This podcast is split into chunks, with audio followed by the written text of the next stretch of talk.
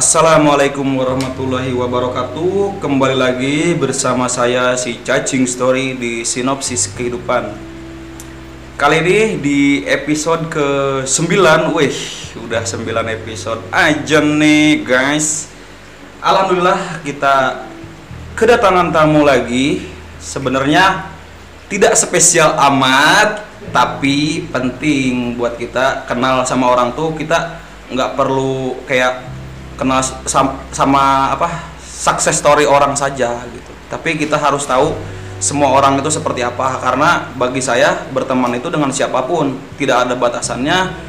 Yang jelas orang itu bisa memberikan impact yang positif buat kita. Perkenalkan, ini adalah teman saya. Dia adalah Zainul Hakim. Kalau Oke, Zainul Hakim. Zainul Hakim ini eh, orang mana? Berasal dari mana? Boleh perkenalan dah. Mm-mm. asalku dari Balangan. Dari Balangan ya? Ya. Balangan itu di mana? Di mananya gitu? Balangannya. Balangan di Kecamatan Padang Selatan. Oh, di Paringin Selatan ya? Oke. Lahir dan besar di situ. Lahir ya besar di situ. Berarti lahir di Balangan, sekolah di Balangan juga. Bu- kalau boleh tahu dari SD tuh di mana sekolahnya? Kalau aku SD-nya di Min Melayap. Oh, Minlayap ya. Malah jauh ya.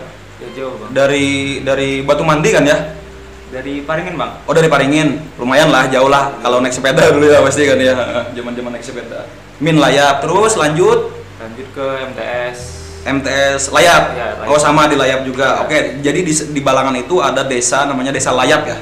Eh di Selayap. Desa Layap. Di situ ada minnya, ada MTS. Iya. Dari MTS lanjut ke SMK. Oh SMK ya, ma- malah bukan ke Aliyah ya, bukan ke MAN gitu ya. Kan ada MAN Layap di situ ya. Iya ada ada ada. Ada kan ya. Tapi malah memilih ke Ke pindah lah. pindah pindah haluan ya dari yang Iya. dari kecil itu beragama sekali ternyata dia memilih ke sekolah menengah kejuruan di Di SMK Negeri Batu Mandi bang. SMK Negeri Batu Mandi. Oke, di situ ada apa tuh? Atau ngambil jurusan apa di situ? Di sana di sana aku ngambilnya jurusan teknik komputer jaringan bang Oh, TKJ ya, Karena- teknik komputer jaringan. karena di rekomendasikan anu kan kakak ulun Oh, Teman kakak, teman Nah, kakak kakak. Artinya kan itu bukan dari kemauan sendiri ya. iya Kenapa jadi jadi mau mau ke situ jadi mau nyemplung di dunia komputer itu kenapa? Selain itu, selain alasan dari direkomendasikan apakah memang benar-benar diri diri seorang Zainul ini suka bongkar-bongkar gitu kan ya kan di, di komputer kan suka bongkar-bongkar kan ada ada merakit komputer gitu kan ya. iya Nah, apakah dari itu kira-kira kesukaan itu gitu? Enggak. enggak enggak, enggak. Enggak sama sekali makan. Ya. lebih kayak ngalir aja bang kalau di rekomendasikan di sini ya ngikut aja ulun Oh, ngikut aja karena memang di situ masih bingung ya, masih belum belum bisa menentukan ya, masih bisa belum menentukan pengen ke mana, terus Iya. pengen mendalami di mana, belum belum belum apa bahasa tuh kayak belum menemukan gitu ya. Bener. Ah, Oke, di TKJ ngapain tuh? kalau di TKJ itu belajarnya kayak ya pasti ya bongkar-bongkar komputer lah bang Eh, eh, merakit komputer kan ya, belajar software ya coding, menginstal kan ya, menginstal, menginstal insta- apa Windows kan ya. Windows, ya Ah, ah. belajar belajar itu lah Selama tiga tahun tuh apa tuh yang didapetin dari belajar komputer? yang pasti ulun bisa ya bisa nginstal komputer lah Ah. bisa nginstal anu Windowsnya ya Windows. paham tentang komputer itu bang hardware dan software ya, Iya. paham ya. Kebetulan saya ini lulusan teknik komputer dan jaringan juga loh di SMK-nya, jadi saya bakalan banyak bisa bertanya-tanya loh tentang komputer kan ya. Nah di TKJ itu sendiri kan eh, mungkin kal kayak pelajarannya kan kalau di SMK dan di SMA itu kan beda kan ya. beda beda bang Beda kan kalau kayak di SMK itu banyak banget tuh pelajaran-pelajaran umum macem-macem gitu kan ya. Sedangkan kalau di kejuruan ini biasanya dia lebih ke mata pelajaran kejurusannya sendiri kan ya. iya bang Kayak kalau misalkan dibilang tuh dulu tuh na- namanya produktif apa ya? iya produktif Produktif itu kan kayak belajar tentang apa tuh? Pelajaran tentang komputer-komputer gitu kan ya, kayak yang be- belajar install, belajar apa software, hardware, macam-macam gitu. Nah di situ ada nggak pada waktu itu eh, pelajaran yang menarik gitu seputar komputer ada nggak? seputar komputer kalau Yang menarik gitu. Jadi jadi sampai mendalami kan pasti kan ya? Iya, iya, iya.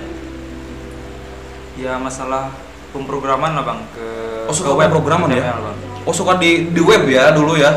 Berarti di SMK itu su- sudah belajar itu ya? sudah belajar bang Oh sudah belajar website. Oh Ya. di di zaman saya belum ada belajar HTML website gitu. Masih Windows masih XP kan?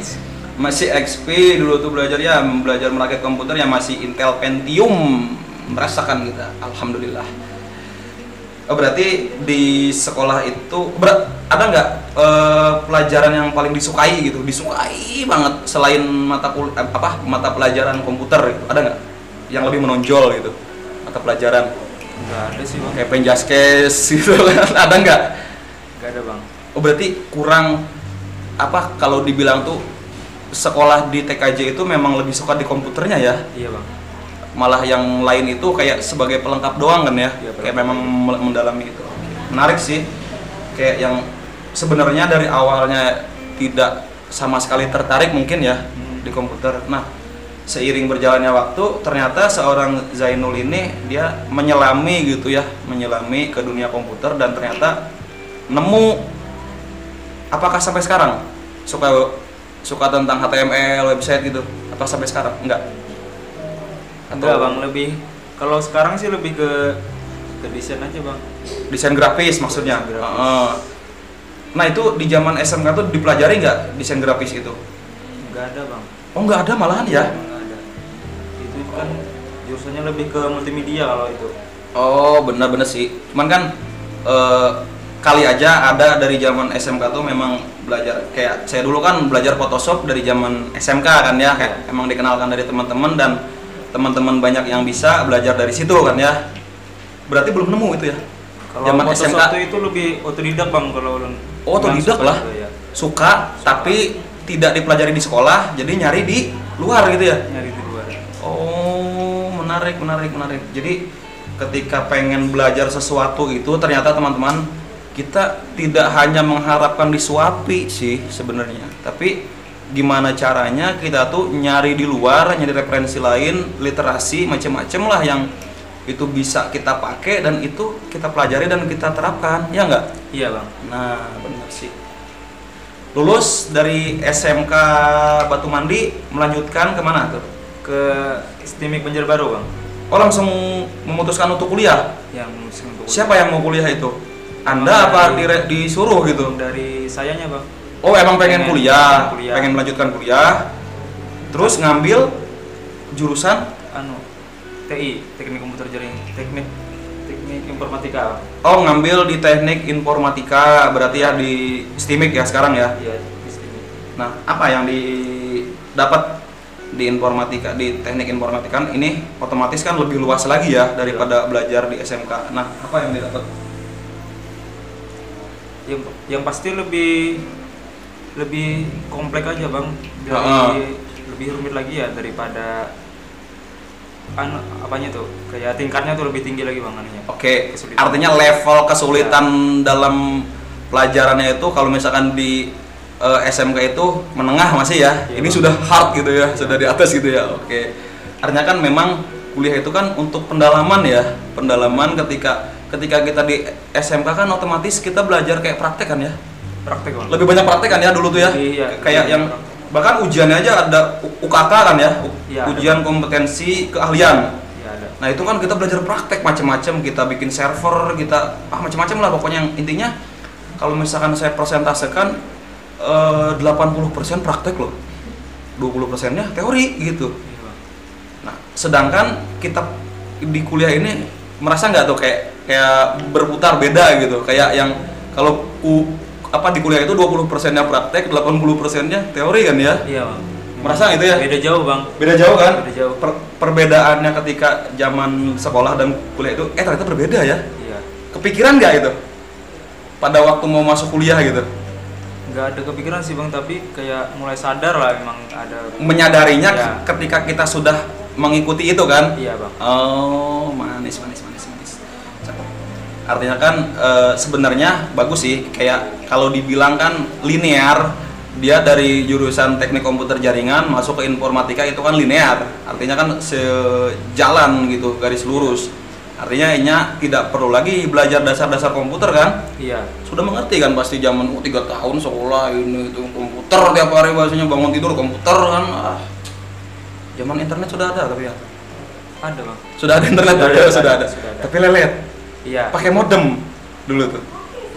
Merasa gitu. Belum bang itu masih ya merasa ada ada ada Ada. Dulu tuh pakai laptop atau pakai komputer dulu? pakai laptop bang Oh, pakai laptop. Udah udah udah punya laptop Udah zaman SMK Iya. pakai modem berarti ya internetan ya. Oh, berarti belajar apa-apa menggunakan internet ya bersela- berseluncur dengan modem kan ya. Iya. Kan belum ada smartphone yang canggih kayak sekarang kan ya. Beda beda zaman gitu. Cuman menjadi menarik ketika belajar itu otodidak. Artinya kan ada kemauan dari diri kita sendiri kan ya. iya Dari diri kita sendiri kita pengen tahu, pengen maju, kita harus mencari tahu. Iya kan? iya Bukan kita berdiam diri, tapi itu kita cari, kita kumpulkan dan itu bisa kita terapkan. Ya enggak? iya Nah, di kuliah itu apakah Anda melakukan itu?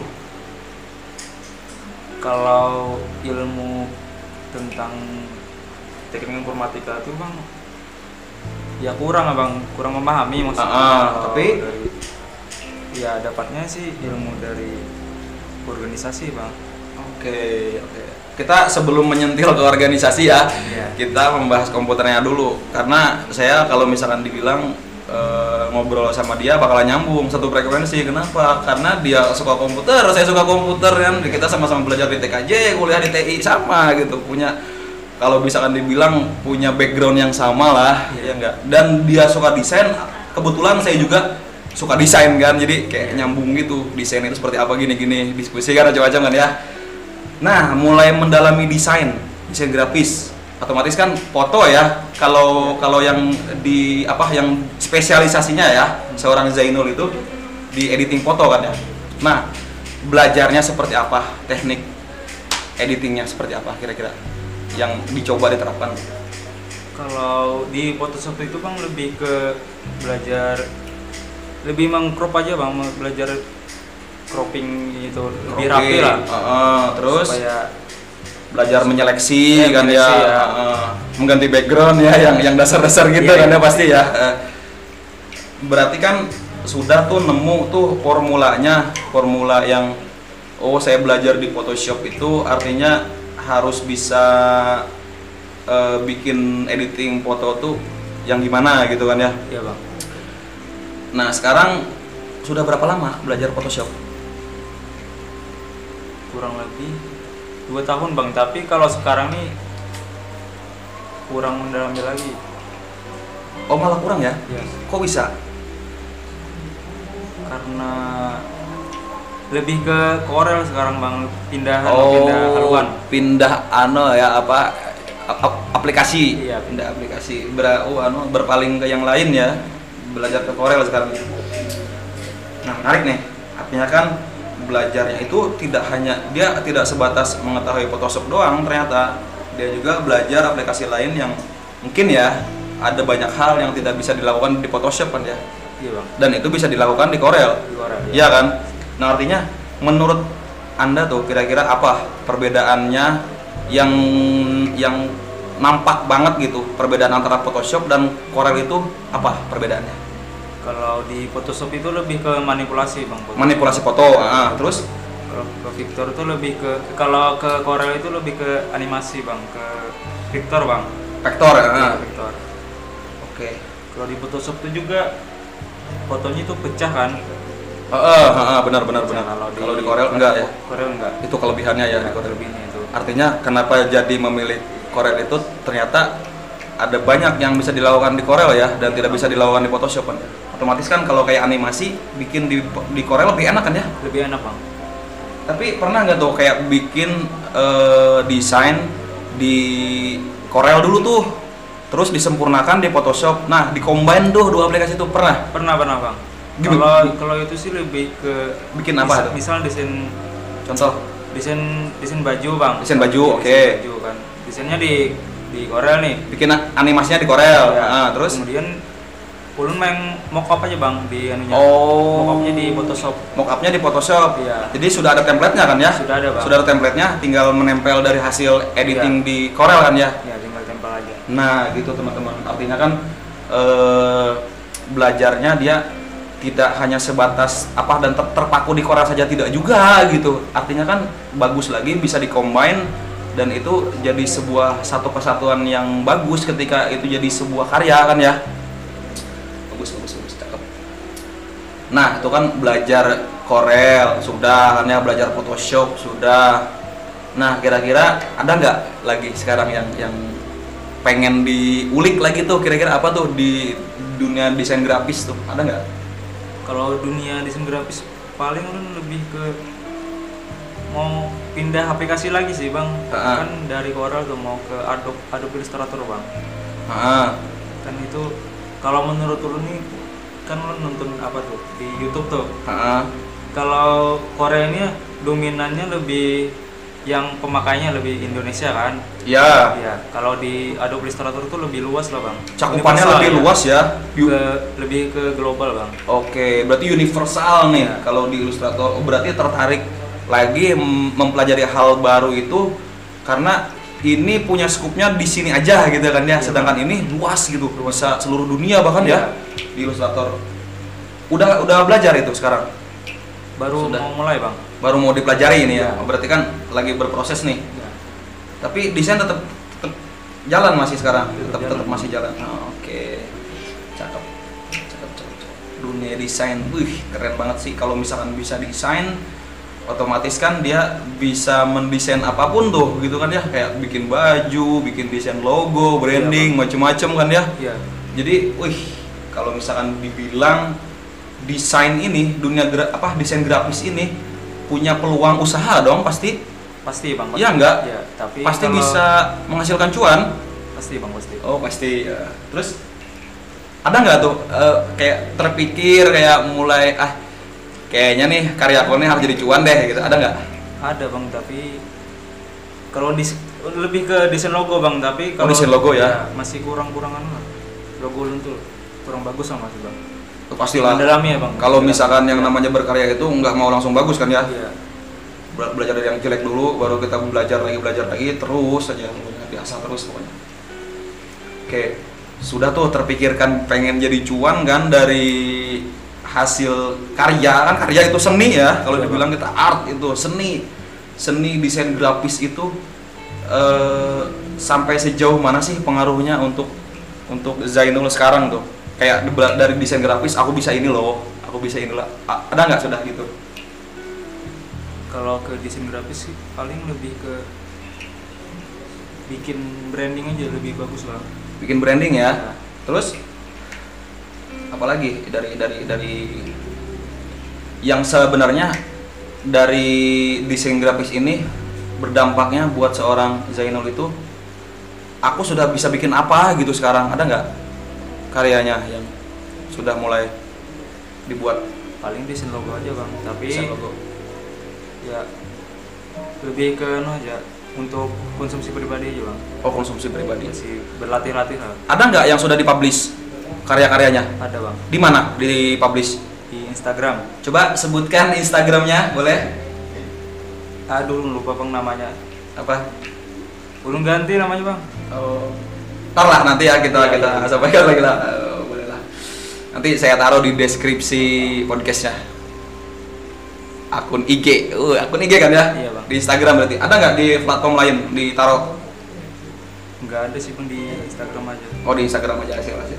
Jadi buat teman-teman yang penasaran dengan eh, karya atau hasil desainnya Zainul Hakim, nanti kita kasih akun IG-nya.